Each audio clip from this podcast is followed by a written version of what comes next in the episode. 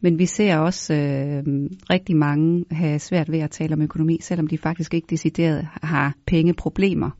Så kan det stadigvæk være en, en udfordring at, at tale sammen om økonomi.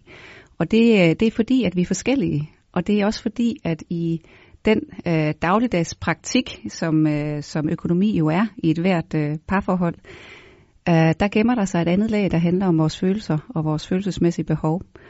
Vi har rigtig mange følelser koblet op på øh, vores adfærd. Altså følelser, de styrer vores adfærd og hvordan vi agerer i verden. Og i parforholdet, jamen, der er vi jo sammen for at få opfyldt nogle følelsesmæssige behov, der handler om at være elsket og føle sig betydningsfuld og være tryg. Og øh, her kan økonomien komme til at spille en rolle. Fordi øh, hvis nu vi er så forskellige, eller den måde vi agerer på økonomisk over for hinanden er forskellig, og vi ikke har fået en forståelse for, hvad er det min partner gør, eller hvad er det min partner vil, øh, når han eller hun gør på den måde, så kan det blive øh, utrygt.